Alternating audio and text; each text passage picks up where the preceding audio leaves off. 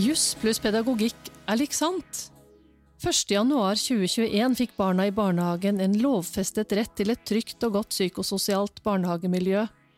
Barnehageloven kapittel 8 pålegger alle som jobber i barnehagen en plikt til å gripe inn når et barn utsettes for krenkelser. Og det som kanskje er spesielt vanskelig, er at de ansatte har fått en skjerpet aktivitetsplikt til å si fra dersom en kollega eller styreren utsetter barn for krenkelser.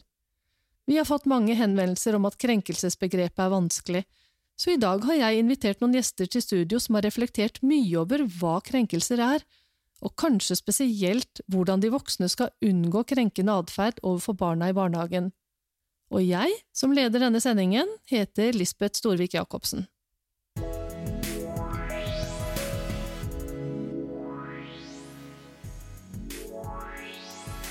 Dette er Veilederpod fra Visma, podkast for ledere og ansatte i offentlig sektor. Hjertelig velkommen til deg, Linda Hovden, som er virksomhetsleder i Glomma barnehager i Sarpsborg kommune. Tusen takk. Og til Tilla Lund Minge, som er kollegaen til Linda og teamleder i Fritnerbakken barnehage, som ligger under virksomhet Fossen barnehager, også i Sarpsborg kommune. Da. Velkommen. Takk for det.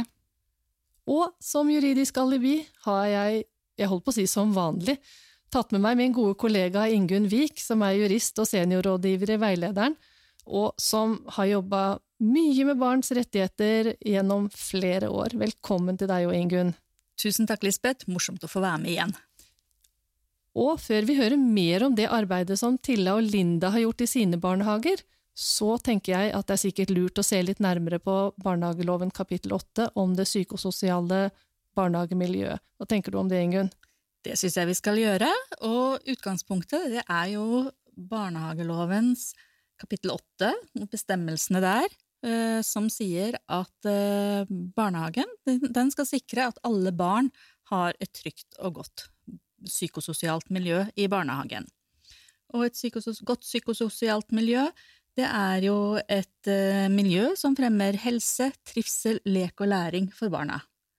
Og da har alle som jobber i barnehagen, har jo en plikt til uh, å følge med på hvordan barna har det, hvordan de oppfører seg seg imellom.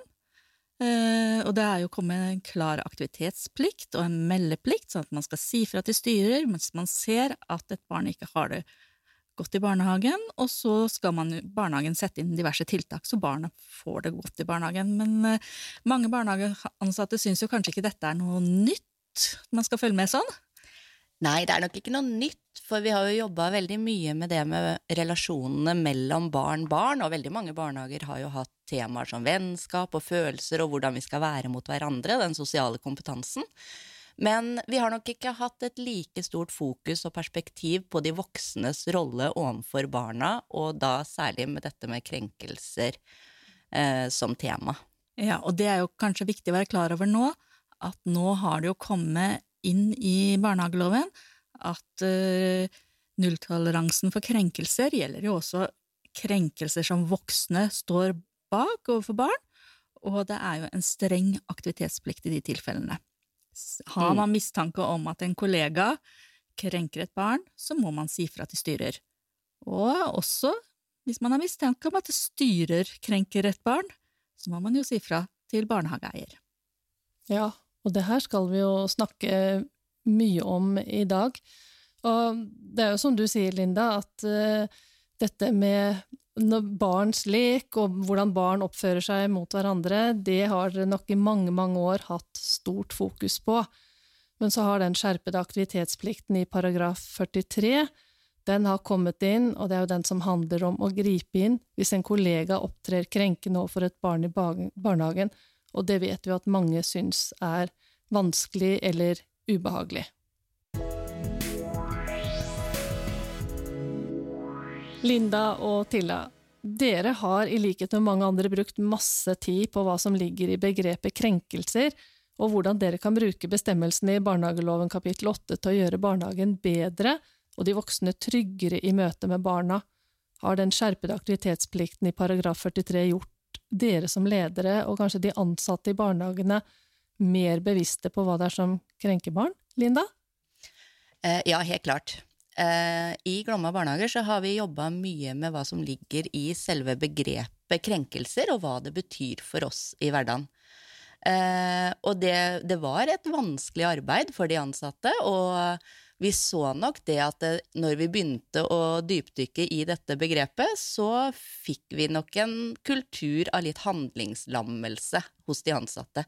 De var mm. veldig redd for å gjøre feil, og eh, vi så det at eh, det blei veldig viktig hvordan de pedagogiske lederne sto fram som tydelige og trygge ledere på sin avdeling, og gikk inn og veileda i hverdagen. Så vi har jobba mye med tilbakemeldingskulturen. Eh, at vi vil hverandre vel, og vi skal gi hverandre konkrete tilbakemeldinger i hverdagen når vi opplever at en ansatt har en atferd overfor et barn som kanskje ikke er akseptabelt lenger. Eh, og det er jo særlig kanskje det med eh, dette at det er den subjektive Barnets subjektive opplevelse av en situasjon som gjør akkurat dette vanskelig. Ja, og barnehageloven er Det er jo vanskelig juridisk, dette her.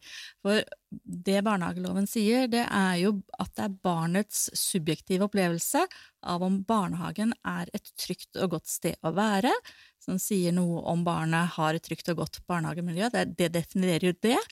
Mens eh, begrepet krenkelser, det er jo en litt mer objektiv vurdering. Mm. Og det, det, var jo akkurat det vi så som blei utfordrende, for det som har vært en, kanskje en tidligere praksis, og som de ansatte har gjort i alle år, det var brått ikke greit lenger. Mm. Eh, og det er jo fordi at vi nå på en måte ser barnet i mye større grad enn hva vi har gjort tidligere. Ja, har det skjedd noe med det her synet på oppdragelse, eller? Ja, det har jo definitivt det. Eh, vi har jo sett det at eh, Tidligere så drev vi jo oppdragelse, nå gjør vi ikke det i det hele tatt. Nå driver vi med danning av barn. Eh, og det kan være også noe som er vanskelig for mange ansatte i barnehagen å, å ha med seg den der endringen som har skjedd. Da. Det er viktig at vi jobber med det, nettopp fordi at mange kanskje drar det inn til mammarollen eller papparollen. Hvordan har jeg vært som forelder opp igjennom? Hva er det som har vært viktig for meg å, uh, å jobbe med der? Hvordan skal jeg oppdra barnet mitt riktig? Før var vi jo der at uh, barnet skulle bli sett, men ikke hørt, ikke sant, for veldig lenge siden, da, gudskjelov. Eh, og etter hvert så har jo barnets mening blitt mye mer eh, viktig for oss å få frem. Eh, og, og, da blir jo også den delen på en måte med å ikke dra med seg den private praksisen inn i barnehagen, den blir jo ekstremt viktig. At vi er profesjonelle der sånn, og, og forstår betydningen av hvordan vår voksenrolle eh, kan gjøre det bra å være barn i barnehagen, eller eh, gjøre det vanskelig og faktisk være noen ganger traumatiserende. For mange barn har jo opplevd krenkelser også som traumatiserende. Det vet vi jo nå av nyere forskning. Mm. Mm. Og det var nok kanskje særlig det vi så når vi begynte å jobbe veldig aktivt med hva som lå i dette begrepet, at det rørte ved den enkelte ansattes eh, indre følelsesliv. Da. At du kjente på at gud av meg, det som ikke er lov lenger nå, det, det har jo jeg gjort med egne barn. Eh, og da har vi vært veldig bevisste på akkurat det å vise til at der, barnehagen er i endring, og det du gjorde for ti år siden, det var nok riktig da, men det er ikke riktig nå lenger, og vi må følge med i utviklingen. Eh, og når man legger det på et sånt perspektiv, så har det vært lettere for de ansatte å akseptere at vi også må endre oss. Mm. Jeg kan jo godt forstå det der, at du kjenner på det der åh, jeg har sikkert gjort veldig mye feil opp igjennom, eh, og, og ja At det er en utfordring da, for de som jobber i barnehagen, mm. Eh, og som har kanskje jobba i mange år. Mm. Helt klart. Så, men fra et ledelsesperspektiv så har det vært viktig for meg å også vise de ansatte at det å jobbe med dette temaet, det handler også om et beskyttelsesvern for de ansatte. For når dette nå er blitt lovfesta i barnehageloven, så vil også konsekvensene for brudd på den paragrafen gi større konsekvenser enn man kanskje hadde fokus på tidligere. Så sånn som jeg sier til de ansatte, så handler det jo mye om at vi må skape et trygt og godt arbeidsmiljø også for de ansatte. Sånn at de kan gå på jobb og være trygge i rollen sin som eh, barnehageansatte overfor barna, og vite at den praksisen de utfører, den er i tråd med loven. Mm. Fordi at det er jo noe med det at hvis du får en tilbakemelding fra en kollega som du vet vil deg vel, og som ønsker deg alt godt, så er det veldig, veldig mye tryggere enn at aktivitetsplikten slår inn og fordi at en foreldre har kommet og gitt beskjed om at barnet gir uttrykk for at de ikke har det trygt og godt, eller at det har blitt krenka av en enkelt ansatt. Da blir konsekvensene for en sånn type handling mye større enn når man har en god tilbakemeldingskultur i barnehagen, og man veileder og hjelper hverandre i den enkelte situasjonen. Jeg syns det hørtes veldig fornuftig ut. Og så, og så er det jo det her at man må jobbe for å unngå å havne i situasjoner der man kan få sånne beskyldninger om krenkende atferd mot seg. Altså, det er jo helt sikkert et, et stort uh, arbeid som må gjøres lokalt på den enkelte barnehagen. Ja, helt klart. Helt klart, og det er jo også noe med dette her at man må diskutere hva som er krenkende atferd. ikke sant? Hva, hva, er det det faktisk kan dreie seg om? For det er ikke det det er kanskje ganske opplagt å tenke at vi ikke bruker kallenavn på barn, eller at vi ja, kaller inn noen stygge ting, eller sånn, men det er nok små eller store trusler som fortsatt kan foregå. Eh, sitter du ikke stille i denne samlingsstunden, så, så, må du faktisk gå ut av rommet, eller ikke sant, litt sånn, og som mm. barnet kan bære med seg i etterkant. Da. Ja, At de voksne faktisk utestenger mm. barna, da. Mm. Faktisk. Jeg tror at det foregår i, i norske mm. barnehager ennå, dessverre. Men det er det vi må jobbe med nå, da, i forhold til dette nye lovverket. Uh, og jeg tenker også at, for at Krenkelse kanskje man tenker at er, det er en fysisk handling. Det er noe at vi tar tak i et barn hardt eller sånne ting. og det Eh, det er det jo også, men det handler vel så mye om de psykiske, og det, mm. hvilket blikk vi gir, ikke sant. Det, det, kan være ganske mye i et blikk. Ja. Eh, og det er også noe med den, hvordan man setter et barn i et lys overfor de andre også. Vi må være veldig, veldig klar over det, den makten vi har som voksne. Eh, den definisjonsmakten der, sånn, den vil vi alltid ha. Sånn at vi mm. må liksom være bevisste den eh, handlingen der hele tiden da, i mm. hverdagen vår. Sånn. Mm. Og da tenker jeg det blir viktig at vi er tydelige på hva slags type praksis skal vi ha hos oss. Det å mm. lage klare og tydelige retningslinjer, være gode på å reflektere sammen i, i, møtene våre, der praksisen skal være det vi reflekterer over, og vår egen rolle og vårt eget møte med barna. Sånn at vi har en Vi må, vi må gjøre de ansatte i barnehagen i stand til å forstå hvordan praksis vi også ønsker å ha, og hva som ligger i selve krenkelsesbegrepet. Ja, for jeg ser jo det, det har jo kommet inn ganske mange henvendelser til eh, mobbeombudene rundt om i landet. Og mye av det er jo på det her sånn verbale og, og kanskje hvordan man oppfører seg, og ikke det fysiske. Og jeg tror nok mange og enhver kan liksom få en litt sånn Oi, var dette en krenkelse også? Ja, Ingunn? Ja, eh, kanskje vi skulle si litt om den juridiske definisjonen av krenkelse? Kanskje ja. det hadde vært på sin plass? Gjør det. Eh, den juridiske definisjonen det går jo på dette her Loven gir oss jo noen eksempler som mobbing, som diskriminering, utestengelse og vold.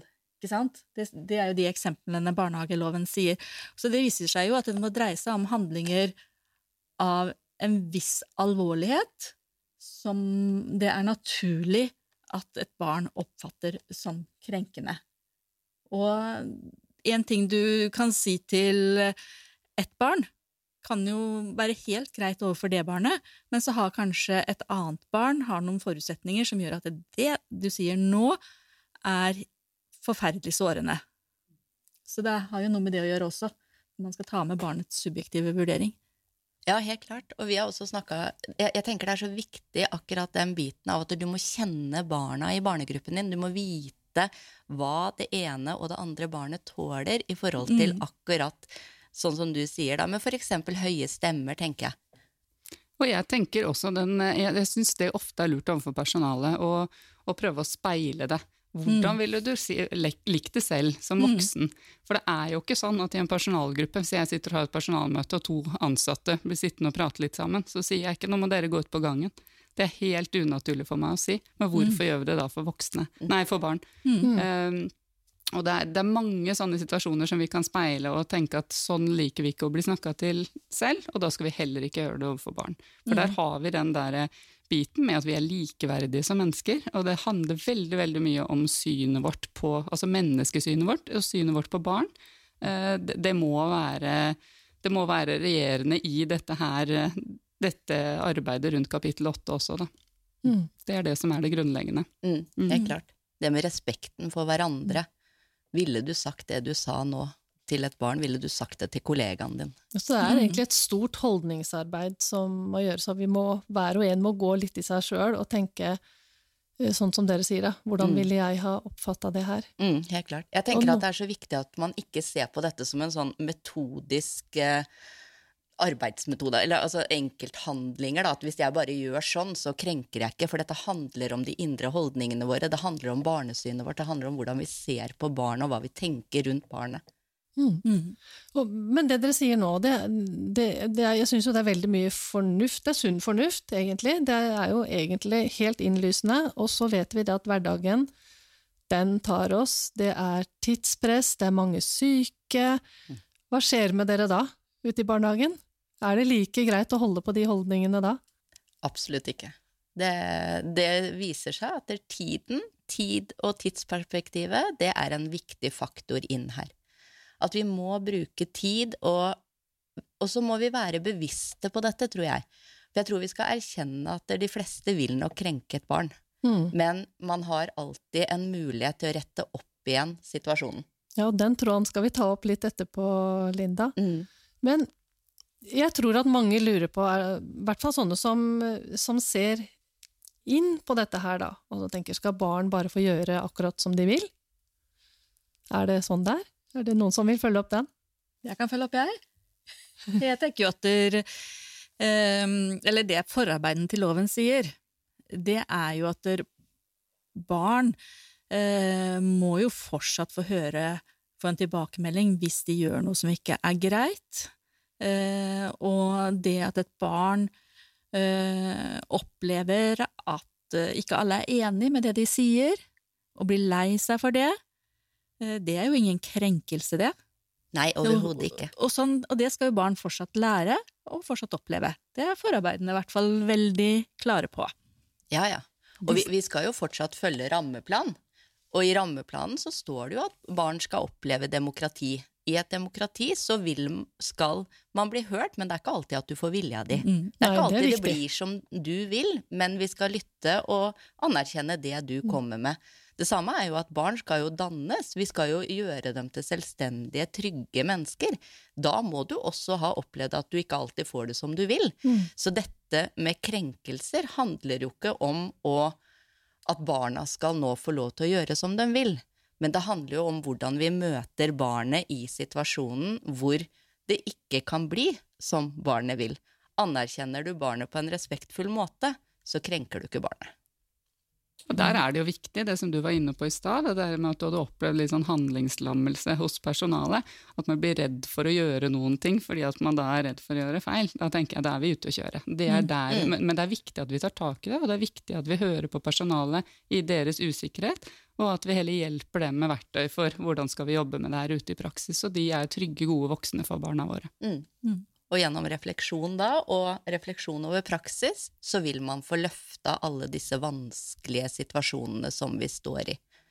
Og vi har jo snakka litt om det også, det at vi, vi, vi, ser en positiv endring i forhold til at vi har personale som kan komme og drøfte saker med oss som de har stått oppi. Eh, noen saker i forhold til barn som de har lurt litt på. Hvordan er det jeg egentlig håndterte dette her? Eller nå kjenner jeg at nå har jeg gjort noe som kanskje ikke føltes helt greit. Hvordan kan jeg gå videre nå? Så kan vi sitte der og veilede litt, vi kan ha en liten prat rundt det. Eh, på dette her er ikke ødelagt, nå kan vi gå tilbake til, til barnet, og, og, vi kan snakke med dem om det, så kommer dette til å gå greit. Mm. Ja, så det virker jo som om sannsynligheten for at vi alle sammen vi kommer fortsatt til å stå i situasjoner som vi vil komme til å krenke barn uten å ville det. Jeg har fire barn som er voksne nå, alle sammen, og jeg har sikkert gjort det mange ganger. Hvordan kan vi skape et trygt og godt psykososialt miljø uten krenkelser, da? Kan vi gjøre det godt igjen når vi har eh, sagt noe som har såra et barn? Tilla? Ja, vi kan definitivt det. Vi, vi kan absolutt eh, Altså, vi, vi, må tørre som voksne å si til et barn at jeg har gjort feil. Jeg beklager.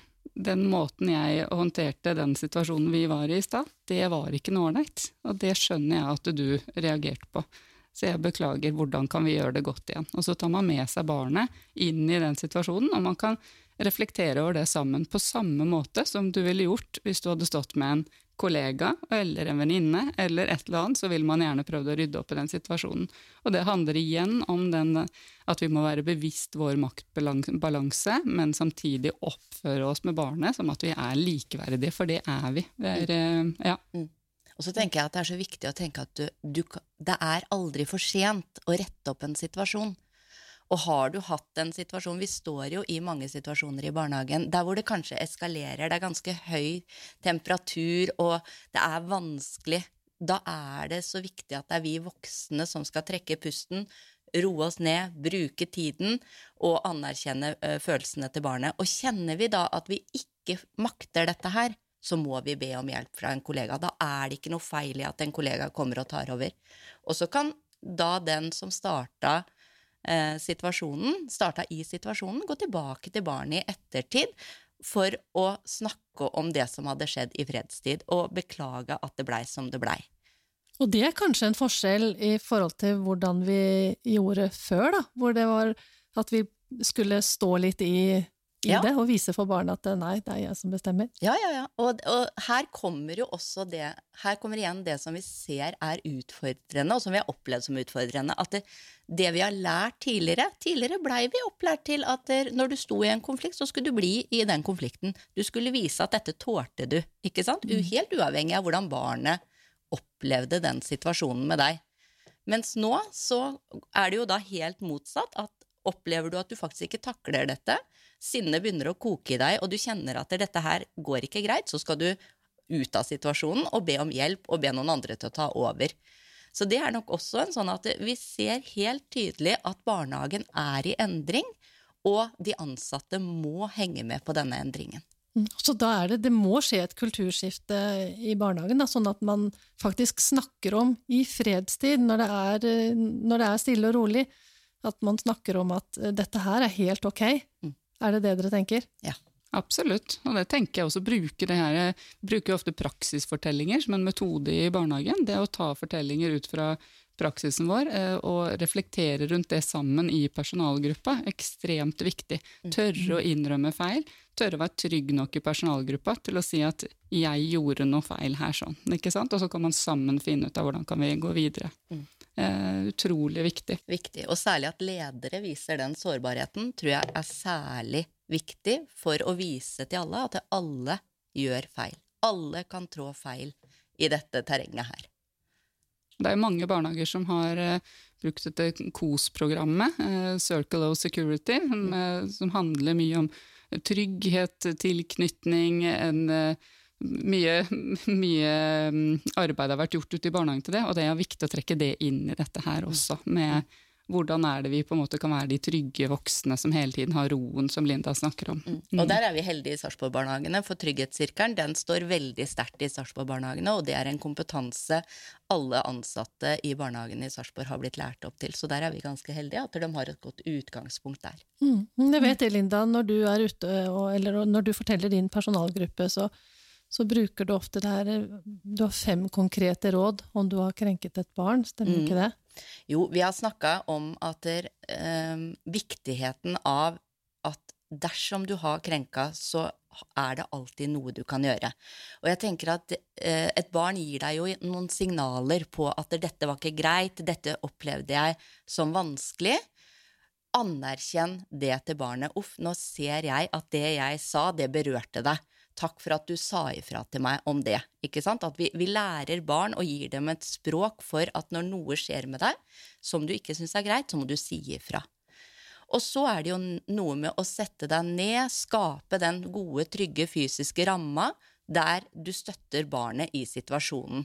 Og man snakker seg gjennom det som har skjedd, og forteller barna at 'nå så jo jeg at du reagerte sånn og sånn når jeg gjorde sånn', det var ikke meningen, kan du fortelle meg litt om hvordan du har det nå, eller kan du si litt mer om hvordan du tenkte dette skulle bli? Og det å anerkjenne barnet på sine forslag, det tenker jeg er viktig i situasjoner. For det er jo ikke alltid at det blir som barnet vil, men det å lytte og vise barna at du faktisk hører på det de sier, det blir viktig. Og så det å gjøre det godt igjen. Høre med barnet, sjekke ut. Ok, nå har vi snakka om dette her, går det greit med deg nå? Føler du at vi har, eh, kan si oss ferdig med situasjonen? Men veldig viktig at vi som voksne er bevisste på at vi ikke ender å gå i forsvar. Ja, men når du gjør sånn, så må du jo skjønne at jeg blir sånn og sånn og sånn. ikke sant? Det er ikke å anerkjenne barnet. Vi må ikke fornekte det som har skjedd, eller bagatellisere. Vi skal ta barna på alvor. Veldig bra. Er det noen som har kommentarer til eh, det som Linda sa nå? Jeg tenker at det er viktig at vi da som ledere står foran og, og, og hjelper personalet til å skulle stå i de situasjonene i etterkant, og at vi er en god relasjonsarbeider, da, for de er jo veldig opptatt av disse mm. her relasjonene. ikke sant? Både barn-barn, selvfølgelig, men også voksen-barn. Og at vi, vi, vi, hjelper de og lager også noe verktøy til hvordan de skal håndtere situasjoner senere i livet. ikke sant? Det er noe med det. Mm. Mm. At det er jo mye av den dannelsesprosessen vi, vi driver med. på en måte.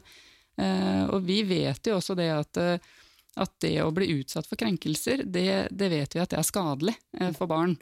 Og, og, det er noe med at da må vi tenke over det. Hva er det vi kan bygge grunnlag for her i barnehagen, mm. sånn at, uh, at, vi faktisk hjelper deres psykiske helse fremover. Nå er jo psykisk helse et samfunnsproblem. Det er jo veldig, veldig uh, utfordrende for, mm. for, mange ungdom, blant annet. Mm. Og jeg tenker vi har en utrolig viktig jobb i barnehagen. Helt klart. Og jeg tenker særlig på det som Tilla sier om uh, relasjonene, og det å bygge fellesskapet jobbe med fellesskapet i gruppa, og da mener jeg ikke bare fellesskapet mellom barna, men hele fellesskapet som også inkluderer de ansatte. Sånn at man har en sånn trygg og god ramme i gruppa si, på sin avdeling eller sone eller base, hvordan man jobber. Men det å jobbe for at her er vi sammen om, i vår gruppe, i barnehagen er vi sammen om. Det å skape den tilhørigheten, den, det likeverdighetsprinsippet og den respekten for hverandre, det tror jeg blir grunnleggende verdier for å få til arbeidet med krenkelser. Mm, ja, det tror jeg du har helt rett i. Mm. Og så sa du i stad, eh, du snakka litt om det her at barnehagen er i endring, og at kunnskapen vi har om barn har endret seg. og Mm. Der snakket du vel kanskje noe om at forskning har gitt oss mer kunnskap mm. om hvordan et barns hjerne utvikler seg. Kan du si ja. noe mer om det? Ja, altså Vi vet jo det at der, eh, barn som vokser opp i dag Vi snakker ofte om de robuste barna. Vi snakker om at vi skal gjøre barna trygge og i stand til å på en måte takle livet. Og jeg tenker at skal du skape de Og, og den tryggheten, den skapes i de gode relasjonene, i det fellesskapet i barnehagen. Men vi vet også at barn som utsettes for krenkelser, der skades selvfølelsen og tryggheten deres. Og det gjør noe med hvordan de også møter verden videre, da, og hvordan de fungerer i samfunnet. Og jeg tror det at der, vi har en kjempeviktig jobb i barnehagen med akkurat dette temaet her, med å gjøre barna robuste og klare for livet. Fordi at der, eh, altså kravene til barn, og kravene til mennesker generelt, blir større og større. Og vi må gjøre dem i stand til å takle alt de skal møte på sin vei, og det tror jeg vi gjør gjennom å skape et trygt og godt eh, psykososialt barnehagemiljø. Mm, så nå har vi snakka mye om det her med hva som kan være krenkende handlinger. Var det noen du hadde lyst til å skyte inn, Ingunn? Jeg tenkte jo at En barnehage som dere får til det samarbeidet mellom de voksne, at det er så lav terskel for å gi hverandre tilbakemeldinger, og man klarer å takle det, det må jo være et godt sted å jobbe, tenker jeg. Mm. Et godt sted å være i det hele tatt. Ja. ja.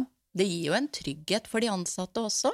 Og det å hele tiden ha den tilbakemeldingskulturen, ha fokus på refleksjon, ha fokus på faglige diskusjoner, mm. det skaper et engasjement i personalgruppa også, og det, det igjen tror jeg er den beste faktoren for trivsel i barnehagen. Mm. Og den kulturen, den, den er kanskje litt med på å fjerne den barrieren at det er vemmelig å si fra, du føler at du tyster, du føler at du Mm. utleverer kollegaen din, hvis det er en sånn åpen kultur om det. Og det er jo sånn vi ønsker å ha det på arbeidsplassen vår, alle sammen. Ja. Vi snakka Mm. mye om viktigheten av at vi vil hverandre vel i Mm, barnehagen.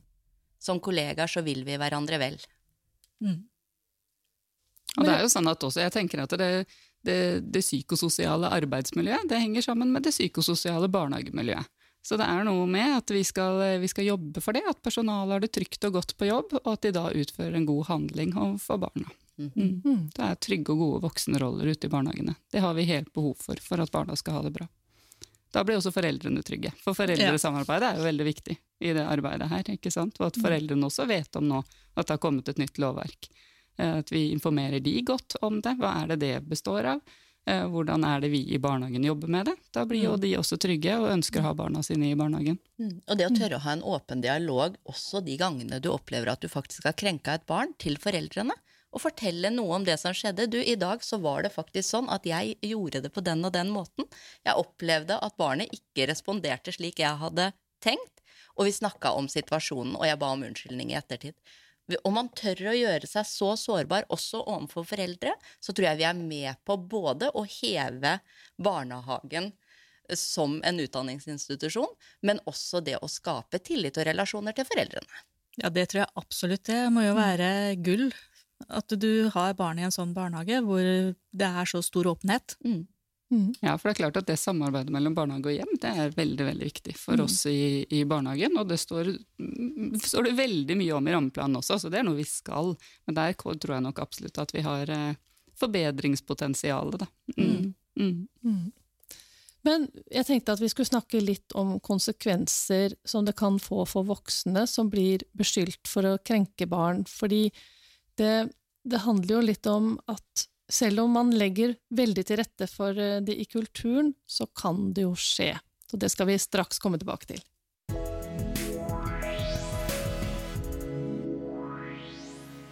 Har du lyst til å si noe om akkurat det her med hva er konsekvensene for voksne som krenker barn, Ingunn? Ehm, de kan jo bli ganske store i de alvorlige sakene. Eh, de som eh, krenker barn alvorlig, de kan oppleve for det første mildeste reaksjonen er jo en advarsel fra arbeidsgiver. Eh, Du kan risikere å bli sagt opp, og i verste fall så kan du bli avskjediget. Og hvis du har gjort noe straffbart, så kan du jo risikere å bli straffa og bli dømt for forholdet. Eh, Men her er det jo viktig å være klar over at her snakker vi om de alvorlige tilfellene. Den nye barnehage, eller de nye bestemmelsene i barnehageloven har jo ikke endra den terskelen som sier når det er riktig å gi en advarsel, når det er riktig å gå til oppsigelse, osv. Den terskelen er faktisk den samme, så der er det snakk om em, handlinger av alvorlig art. Eller for eksempel det at du har gitt mange tilbakemeldinger om at du kan ikke løse disse situasjonene på den måten der, og det har du sagt mange ganger, og den ansatte er ikke villig til å ta det inn over seg. Da kan det begynne å rulle personalsaker. Mm, og det du sier der, Ingunn, det er jo kjempeviktig, fordi eh, La oss si du har eh, foreldre som melder inn til barnehagen at eh, mitt barn har blitt krenka, og det blir en personalsak. Så er det jo utrolig viktig å høre den ansattes side av saken også, fordi at som leder så har du et ansvar for den ansatte også. Absolutt. Den ansatte har lov til å da få vite hvem er det som har sagt det. Det er, en, det er noen unntak der i noen saker, men man har rett, for å vite, rett til å vite hva man blir beskyldt for, hvem som har sagt fram beskyldningene, og du har alltid rett til å forsvare deg. Og du har vel alltid, eh, skal vel alltid ha en mulighet til å prøve å gjøre det bedre. Altså, Ja, noe med det. Ja, men Det kommer jo litt an på hva du Ja, har gjort. Har du utøvd vold mot et barn, så eh, da er det kanskje politiet neste. Det er ikke Ja. bare 'unnskyld'. Men Men det er jo at her kommer det der en, det er en, Her handler det jo ikke om synsing, der er det jo en objektiv vurdering. Og det betyr jo ikke at ikke barnet kan ha følt seg krenka, og at det skal iverksettes en aktivitetsplikt. Så det er på en måte å Mm. Det er to forskjellige sider. saker. Mm. Som har mye av samme faktum i seg. Ja. Ja. Vi ser jo det at eh, nå når dette har kommet inn som en del av barnehageloven, så er vi mye kjappere på å eh, det å starte med en tiltaksplan, få en dialog med den ansatte, mm. legge noen planer for veien videre. Hvordan skal vi håndtere dette på en annen måte neste gang?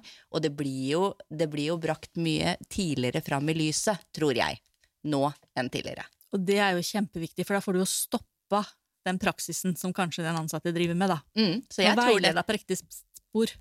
jeg tror dette er med på å heve kvaliteten i barnehagen. Mm, Så det er i hvert fall helt klart at eh, vi får bare oppfordre til at det er best å jobbe i forkant, skape en god kultur, sånn at vi unngår flest mulig av disse situasjonene. Og det tror jeg høres Mm. ut som en fornuftig plan. Men tida går fort, altså, dere. Så vi må faktisk tenke på å, å runde av. Jeg syns det har vært kjempespennende å høre om hvordan dere har snakka, og jeg håper at mange der ute eh, har fått noe ut av det. Jeg tror mange syns at dette med krenkelsesbegrepet er kjempevanskelig, og vi har jo ikke noe fasit, det er viktig å si. Men vi har fått høre hvilke erfaringer som dere, Tilla og Linda, har fra deres arbeid med å gjøre barnehagen bedre, både for barna og tryggere for de voksne også, i møte med barna i barnehagen. Og så er det vel litt sånn vi kan si, Ingunn, at juss pluss pedagogikk er sant, og at Ja. jussen er de formelle rammene for et godt barnehagetilbud, og at juss og pedagogikk må ses i sammenheng. Det må det absolutt.